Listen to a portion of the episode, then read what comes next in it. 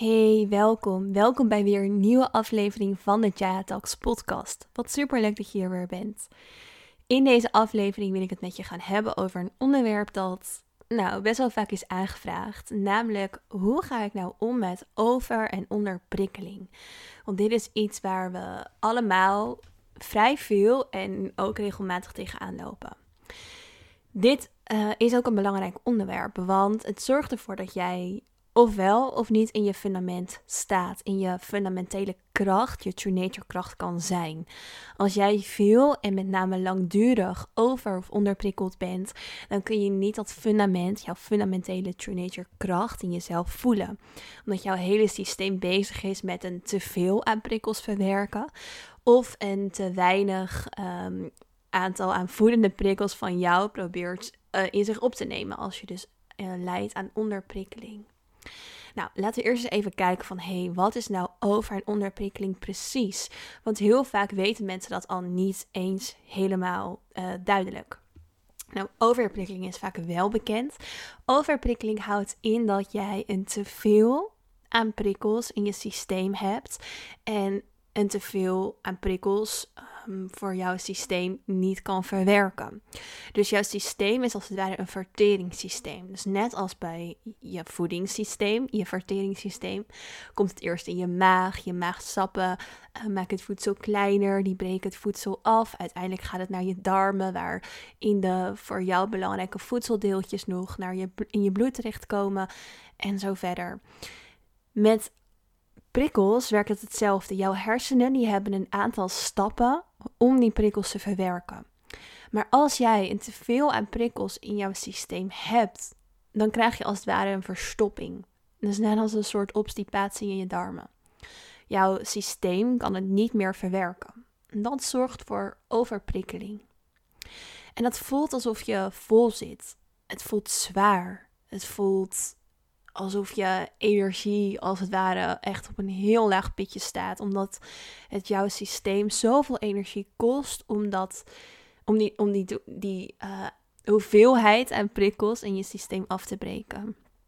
Dus dat is overprikkeling. En om gelijk een misverstand uit de wereld te helpen, dat gebeurt niet alleen bij sensitieve personen. Dat gebeurt bij iedereen. Denk eens aan een festival met onwijs veel prikkels, mensen, uh, energieën van mensen die je op kan pikken. Heel veel mensen raken daarvan overprikkeld. Maar dit is korte termijn overprikkeling. En ik ga zo meteen in op het verschil tussen korte en lange termijn overprikkeling.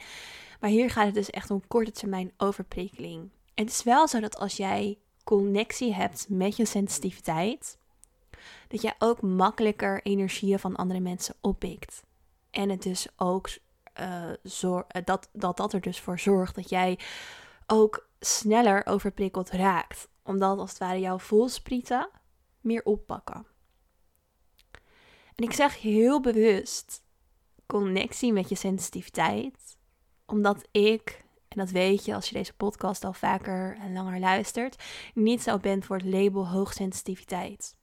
Ik ben van mening dat hoogsensitiviteit betekent dat jij nog een connectie hebt met jouw sensitieve true nature kern die jij in je hebt.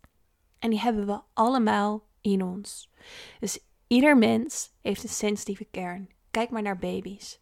Alle babytjes zijn sensitief. Alleen onze maatschappij is zo laaggevoelig en zo niet sensitief dat we daarvan verwijderd raken. Maar eigenlijk iedereen die zich herkent in het label hoogsensitiviteit, hooggevoelig of HSP, die heeft nog een connectie met die sensitieve kern. En dat zorgt voor de HSP-lasten die jij ervaart. Want je weet helemaal niet hoe je met jouw sensitiviteit om moet gaan. Je weet niet hoe je om moet gaan met het voelen van emoties van anderen. Je weet niet hoe je om moet gaan met het voelen van energieën van anderen want dat wordt ons niet geleerd. En daardoor ervaar je last van je sensitiviteit, terwijl dat eigenlijk een hele mooie kracht is. Want als jij emoties en energie, en dit is maar even een voorbeeldje van de vele kwaliteiten van jouw sensitiviteit, maar als jij die emoties en energie van anderen kan voelen, dan kun je ook veel begripvoller zijn naar anderen toe. En kun je in bepaalde beroepen bijvoorbeeld echt beter en onderscheidender zijn dan iemand die minder in connectie is met zijn sensitiviteit. En als je bijvoorbeeld kijkt hè, naar de yoga-wereld, ehm, daar zie je ook dat als mensen yoga gaan doen, en het grappige is dat bijna iedereen die begint met yoga dat doet om een bepaalde reden. Dus doordat ze of overprikkeld, of oh, sorry, doordat ze bijvoorbeeld eerst een burn-out hebben gehad, of um, een eetstoornis of zoekende zijn, of heel veel stress op het werk, uit balans zijn geweest. Er is bijna niemand die denkt: Oh, ik voel me zo goed. hey, yoga, wel interessant. Ga ik een keertje proberen. Dat gebeurt wel, maar dan is het vaak echt de fitnessvorm van yoga. Dus de fitnessvorm van yoga, uh, dat trekt wel mensen aan die denken: Oh, ik doe het omdat ik fitter wil worden, of, of uh, slanker wil worden, of leniger wil worden. Maar als we echt kijken naar de groep mensen die bijvoorbeeld begint met yin yoga, de zachtere, meer ontspannen vormen van yoga, dan is dat omdat ze ergens last van hebben. En dat kan ook bijvoorbeeld zijn te veel stress in het lichaam of te veel stijfheid. Maar daar zit dus altijd weer een reden achter. En wat je ziet is dat heel veel mensen die, daarmee bezig, uh, die zich daarmee bezig gaan houden, bewuster worden. En dat bewustzijn zorgt ervoor dat ze een sterkere connectie krijgen met hun sensitiviteit. Dus wat ik ook zie is dat bijvoorbeeld als je een, een lastige jeugd hebt gehad en ja, als kind heel erg alert hebt moeten zijn, heel erg bewust hebt moeten zijn van jouw omgeving, doordat bijvoorbeeld een van je ouders het ook zwaar heeft gehad en je dus altijd op scherp stond van hé, hey, hoe voelt die persoon zich? Dat je daardoor dat bewustzijn hebt gehouden en je sensitiviteit nodig hebt gehad om als het ware te overleven. En dus heb je die connectie met jouw sensitiviteit niet kwijt kunnen raken ben je er altijd mee verbonden gebleven. Dus dat is waarom ik ook spreek van de connectie met je sensitiviteit. Het gaat niet om het label, maar het gaat om de connectie die jij er nog mee hebt. Maar goed, dan eventjes terug naar over- en onderprikkeling. Overprikkeling heb je dus op de korte termijn. Als je bijvoorbeeld naar een festival bent geweest of een dagje op een hele drukke dag uh, de IKEA hebt bezocht of bent wezen shoppen. Um, maar het gaat erom dat je dan dus vormen van ontspanning weer kan vinden. Dat jij als het ware leert hoe jij jouw systeem kan helpen om die prikkels te verteren. En dat betekent dus rust. Heel simpel. Dus als jij een hele drukke dag hebt gehad en bij zo'n festival bent geweest, is het heel belangrijk dat je weet hoe kan ik mijn systeem ontlasten. Nou, en dat doe je dus bijvoorbeeld door een yogalesje te doen. Daarmee creëer je ruimte in je fysieke lichaam, in je energetische systeem, in je emoties, maar ook in je, in je hoofd, in je mind, in je gedachten. En zo help je je lichaam om sneller te kunnen verteren, waardoor ook dat gevoel van overprikkeling, van korte termijn overprikkeling, afneemt. Denk daarbij ook aan een lekkere wandeling maken, uh, meditaties. En dit zijn misschien een beetje cliché voorbeelden die je al kent, maar het, het, werkt echt. Het is gewoon heel erg belangrijk dat je rust inbouwt na korte termijn overprikkeling. Dus niet een Netflix-serie waarin je weer allerlei prikkels tot je neemt. Het kan soms heel fijn zijn en dat geeft je wel ruimte in gedachten, maar toch neem je nog weer allemaal nieuwe prikkels op. Dus ook als je gaat wandelen, ga dan niet als je echt korte termijn overprikkeld bent naar een podcast luisteren waar je bijvoorbeeld heel veel uh, uit wil leren. Want dan staat je systeem nog weer aan. Dus zorg ervoor dat je dan gaat wandelen met een keer een fijne muziek, een muziekje op. Wat jou echt ontspant. Dus wees daar jezelf van bewust. Heel vaak hoor ik nog dat mensen zeggen: Oké, ja, ik heb wel rust ingebouwd. Ik ben dus gaan wandelen. En ik heb naar een podcast geluisterd. En dan vraag ik: Ja, en Stond je systeem daarbij helemaal op pauze? Nee, heel eerlijk gezegd niet, krijg ik dan heel vaak terug. Want ik wilde er allemaal dingen uit onthouden of ik wilde er dingen uit leren. Maar bij korte termijn overprikkeling is het heel erg belangrijk dat je echt een momentje van rust inbouwt. Echte rust. Van stilte. Dat is iets wat we vaak heel ongemakkelijk vinden. Want in die stilte komen er emoties naar boven. Uh, word je ineens bewust van bepaalde zaken die je eigenlijk niet wilt voelen. En dat is weer een onderwerp voor een hele andere podcast, want daar kan ik ook weer uren over praten. Dus hoe zorg je er dan voor dat je die stilte in jezelf toe kan staan? Dat je daarmee kan zijn. Dat je jezelf niet meer probeert op te vullen met afleiding, met prikkels. Dat wat er heel vaak gebeurt. En waardoor je dus uiteindelijk in langetermijn overprikkeling terechtkomt. Waar ik zo meer over ga vertellen. Dus in het kort, korte termijn overprikkeling is overprikkeling als jij een moment of een dagdeel te veel prikkels in je systeem hebt. Het is wel zo dat je je daarvoor bijvoorbeeld wel redelijk goed voelde, maar doordat je dus die drukte hebt opgezocht of veel van jezelf hebt gevraagd, ben je overprikkeld. En het is dan dus heel erg belangrijk om jezelf ruimte te geven, om jouw systeem ruimte te geven om die prikkels te verwerken, om die prikkels te verteren. Dat hoeft niet heel de dag te zijn. Dus je hoeft echt niet als jij merkt, hé, hey, ik ben korttermijn overprikkeld, een hele dag weer rust in te bouwen. Want wat ik vaak zie is dat zeker sensitieve vrouwen dan zo gefixeerd zijn op niet overprikkeld willen raken, dat ze een beetje krampachtig omgaan met die rust inbouwen. En zo leef je ook weer naar het label HSP bijvoorbeeld, of leef je naar jou, in hun ogen, zwakte omdat je dan denkt, oh, maar als ik dat doe, dan moet ik daarna wel echt een dag rust nemen. Maar is dat wel echt zo? En hoe kwalitatief is jouw rust die je dan ook neemt? Dus probeer er eens mee te experimenteren om in ieder geval gewoon twee uurtjes echt rust en leegte en stilte te voelen in jouw systeem. Dat is al genoeg.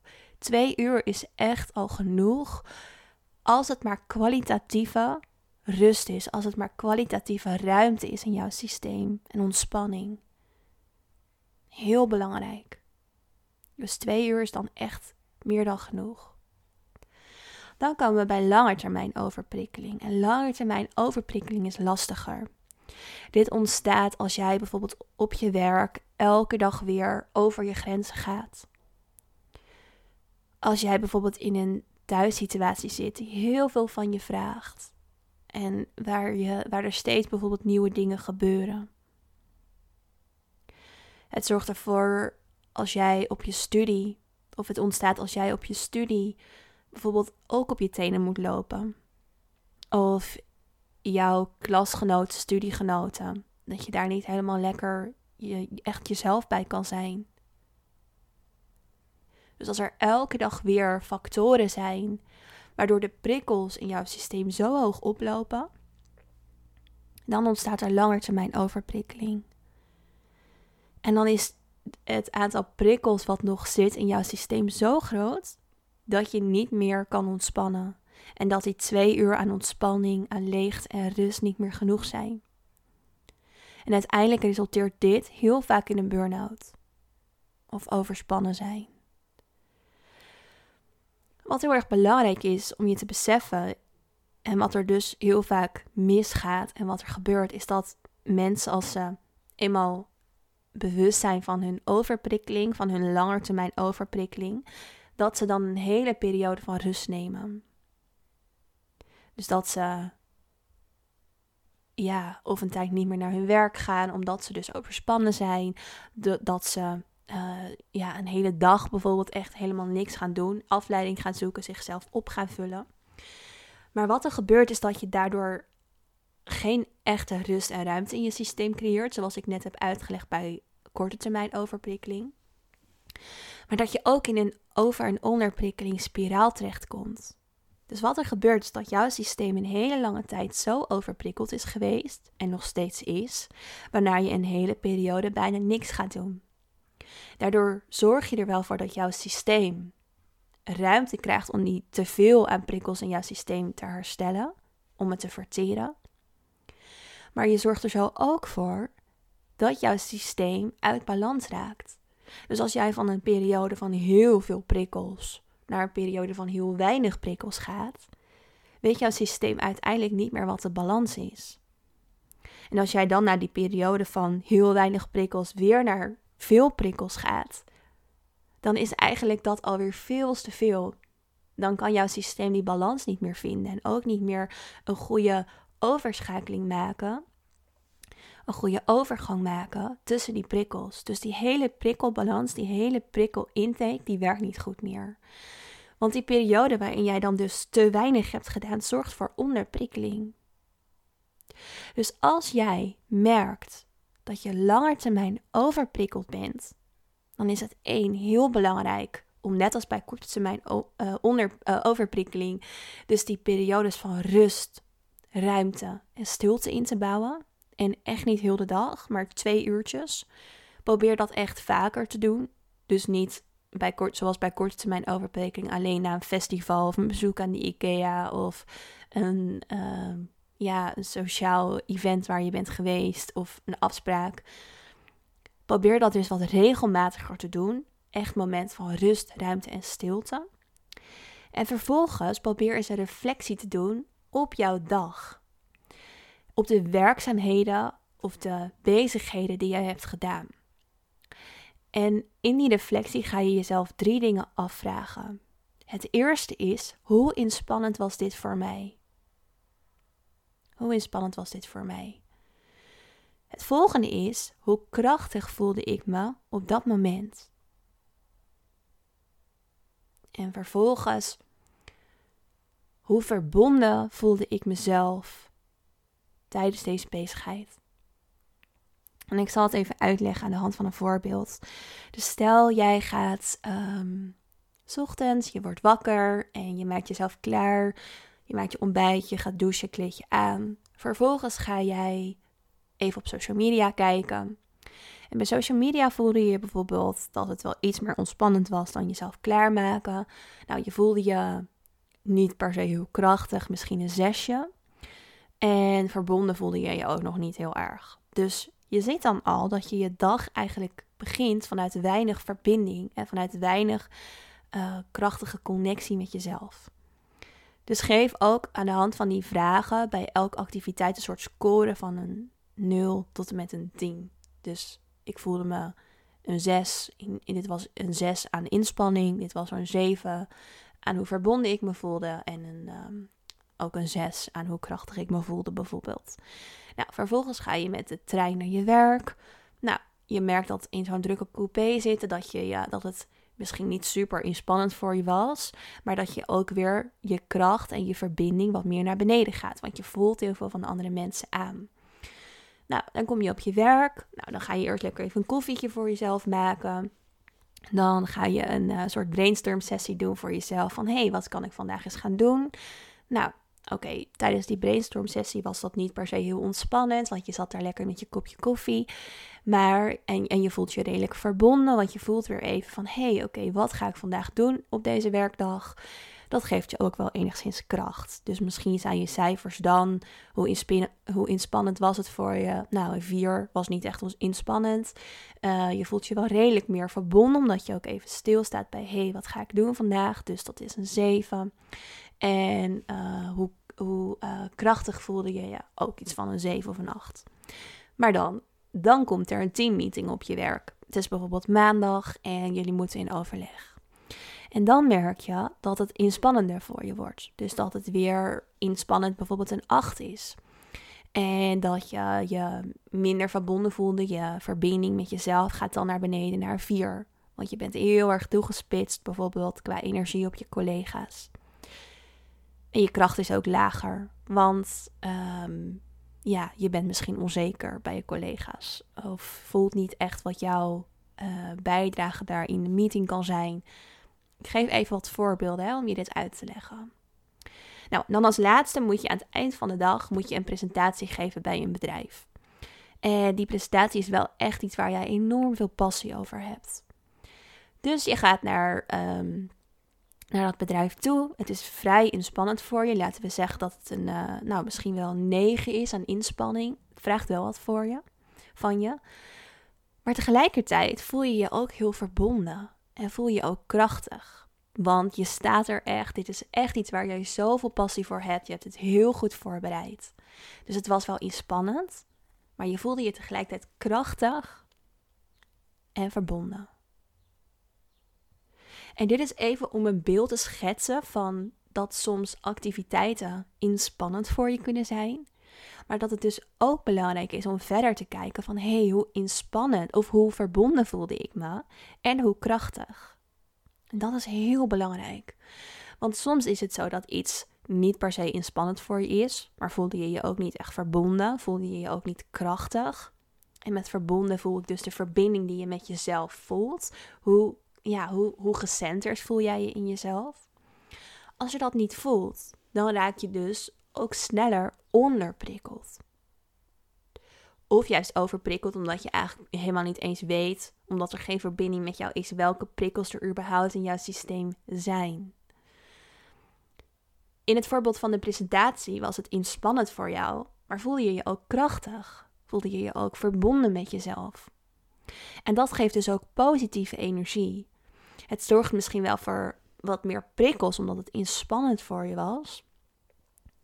Maar tegelijkertijd kan jouw systeem die prikkels veel makkelijker verwerken en veel makkelijker verteren, omdat je je dus verbonden voelt met jezelf. En dat is heel erg belangrijk voor jouw systeem om prikkels te kunnen verwerken. Want als die verbinding er met jezelf is, dan help je jouw hersenen, ook weer doordat er bepaalde bewustzijnshormonen worden aangemaakt, om jouw prikkelintake makkelijker te verwerken. En dit is even heel belangrijk dat je dit beseft. Dus als jij in een situatie zit waarin je dus langer termijn overprikkeld bent, ga eens kijken naar hey, welke momenten was iets inspannend voor mij en voelde ik me ook niet in verbinding en voelde ik me ook niet krachtig. En als je daar dus achter bent gekomen welke momenten dat zijn, in dit geval van het voorbeeld was dat bijvoorbeeld de teammeeting, dan is het belangrijk om te gaan kijken van hey, moet ik dat blijven doen? Zo ja, want iedereen in het team is erbij, oké. Hoe kan ik er dan voor zorgen dat ik me op die momenten wel krachtig voel en verbonden voel met mezelf? Zodat ik die prikkels die in die teammeeting ontstaan ook makkelijker aan kan gaan en makkelijker kan verwerken. En zo kun je dus een heel plan uiteindelijk gaan maken. En dat is wat ik in mijn coaching sessies doe. Of in het True Nature programma van Jaya. Maken we een heel plan voor jou. Voor hoe je er ervoor kan zorgen dat je die langetermijn overprikkeling echt doorbreekt. En niet door dus weer in een loopje te vallen van overprikkeling naar onderprikkeling, van onderprikkeling weer naar overprikkeling. En zo blijf je continu in zo'n loopje zitten. En is jouw prikkelbalans continu uit balans. En dat wil je niet, dat wil je doorbreken. Want het zorgt ervoor, als jij in zo'n loopje blijft zitten, dat je nooit echt helemaal lekker in je energie komt te zitten. Dat je energie onnodig lekt. En dat is zo jammer, want er zit zoveel kracht in jou, juist doordat je die verbinding hebt met je sensitiviteit. Dus kijk of je hier voor jezelf een beginning kan maken.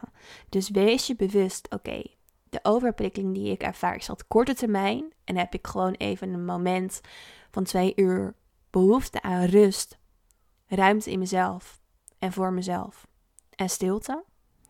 Of zit ik echt tegen lange termijn overprikkeling aan? Of ben ik al hele lange tijd overprikkeld? En heb ik een ander stappenplan nodig? En dat stappenplan begint bij je bewust te gaan zijn van die drie vragen. Die drie vragen zijn ontzettend belangrijk. En als je die drie vragen hebt en dat dus voor een aantal dagdelen in je week hebt bijgehouden, dus doe dat ook echt op verschillende momenten. Doe dat een keer op zo'n maandagochtend, uh, nou ook op andere dagen in de week, maar ook in het weekend, zodat je ook echt goed een beeld kan krijgen bij jouw dag.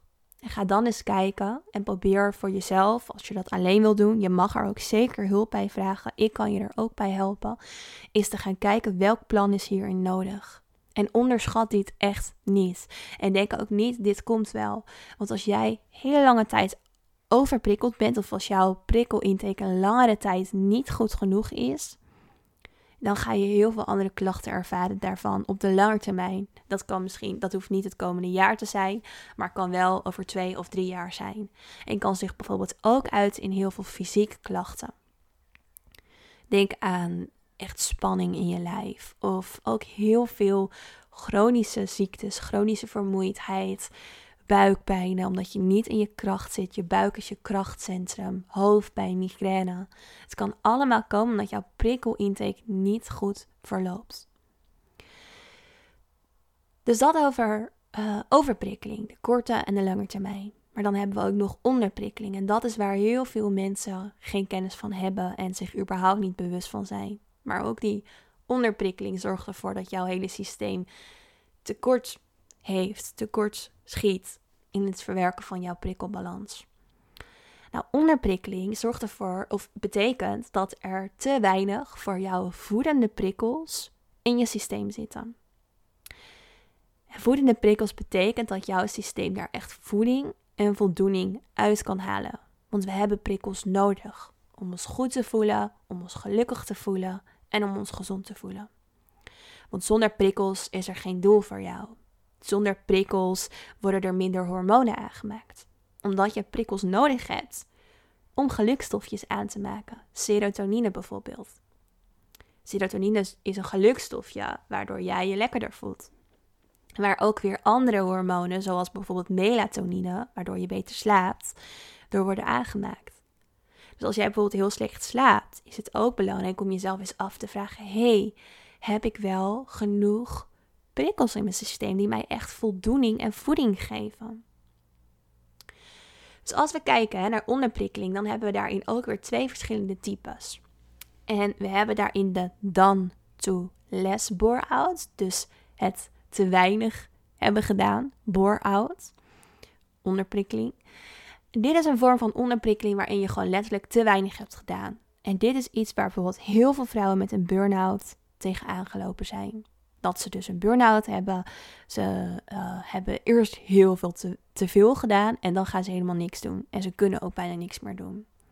En dit is gevaarlijk, want hierin ontstaat er dus dat je uh, een, een te weinig uh, aantal aan voedende prikkels in jouw systeem, waardoor je weer slechter gaat slapen, waardoor je daardoor weer minder prikkels aan kan. En zo kom je dus helemaal in die spiraal terecht. Dus bij de Danto Les Bore-out is de cure, het medicijn, dat je heel langzaam weer een beetje op gaat bouwen. Dat je meer voedende prikkels in jouw systeem gaat inbouwen.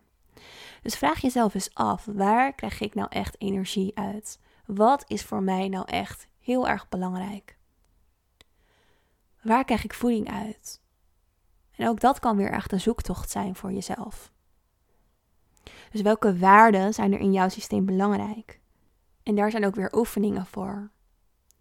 Maar sta eerst eens stil bij wat voor jou dus voeding betekent. Voeding voor je systeem, waar jij voldoening uithaalt. Voor mij persoonlijk is dat bijvoorbeeld diepgaande gesprekken voeren met mensen. Ik hou enorm van goede gesprekken. Daar krijg ik echt voldoening uit. Vind ik heel erg belangrijk. Maar ook nieuwe dingen leren. Dus podcast luisteren vind ik echt heerlijk om nieuwe dingen uit te kunnen leren. Voor mezelf. Of een cursus te volgen. Of een goed boek te lezen. Of juist ook lekker even te sporten. Waardoor ik ook met mijn lichaam weer even goed bezig ben. Dat zijn allemaal dingen waar ik voldoening uithaal. Dus als jij in het dan to less spore-out zit, dat je onderprikkeling hebt doordat je te weinig hebt gedaan, kijk of je langzaam dit soort dingen op kan bouwen. Ook als je in een burn-out zit, is echt heel erg belangrijk. Want zo train je jouw systeem om toch op een goede manier prikkels te verwerken. Voor jouw goede prikkels. En bouw dat ook op. Hè? Dus je hoeft niet gelijk een hele dag dat te doen. Het gaat echt ook hierin weer om die balans. Probeer die balans daar voor jezelf in te vinden.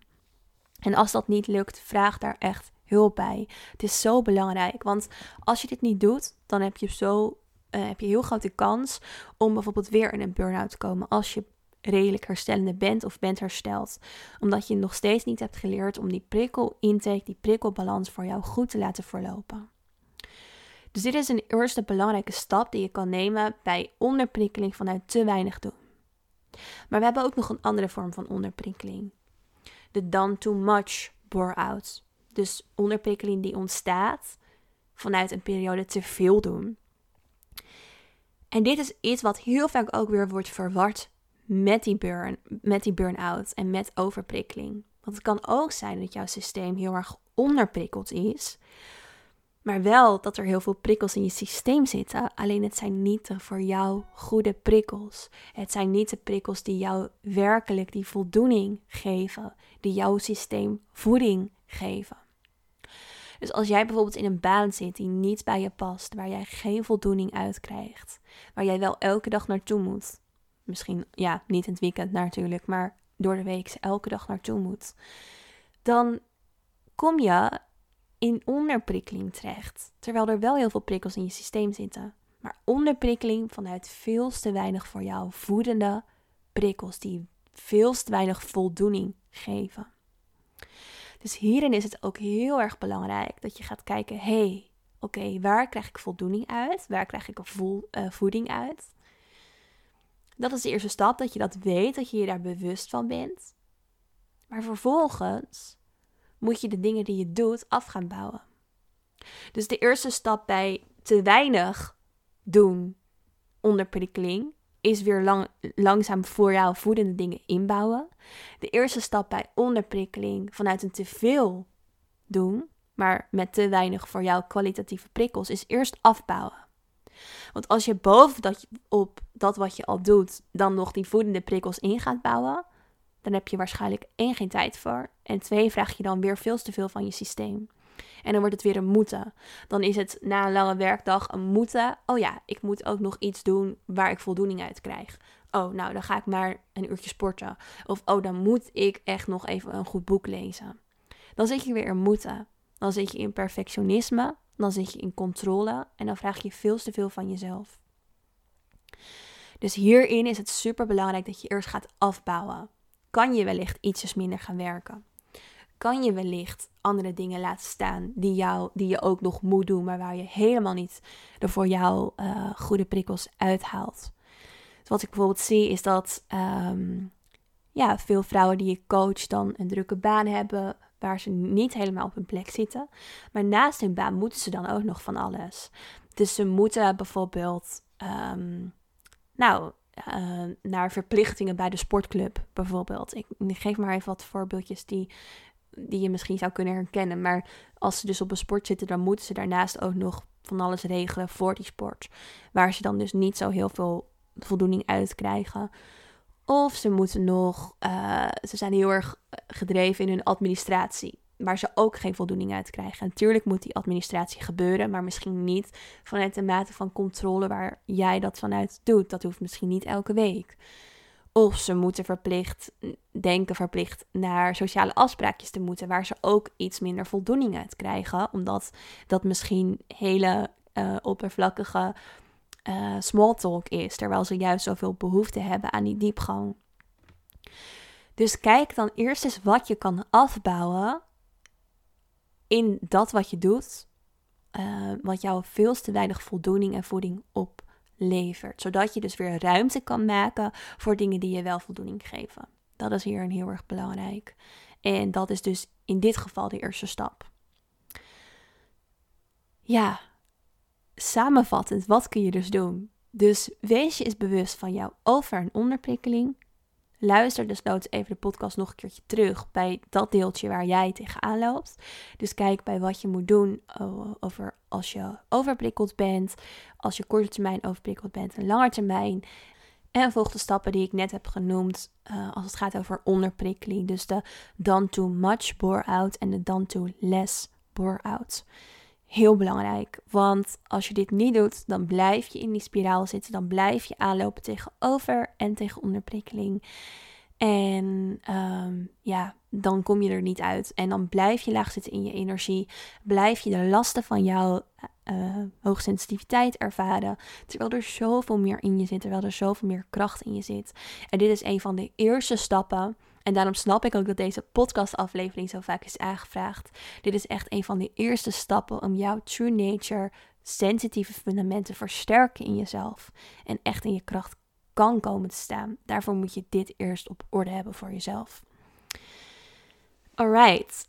Nou, mocht je hier vragen over hebben, uh, stuur me een berichtje op Instagram. Uh, je kan mij vinden op jaya, j a i live.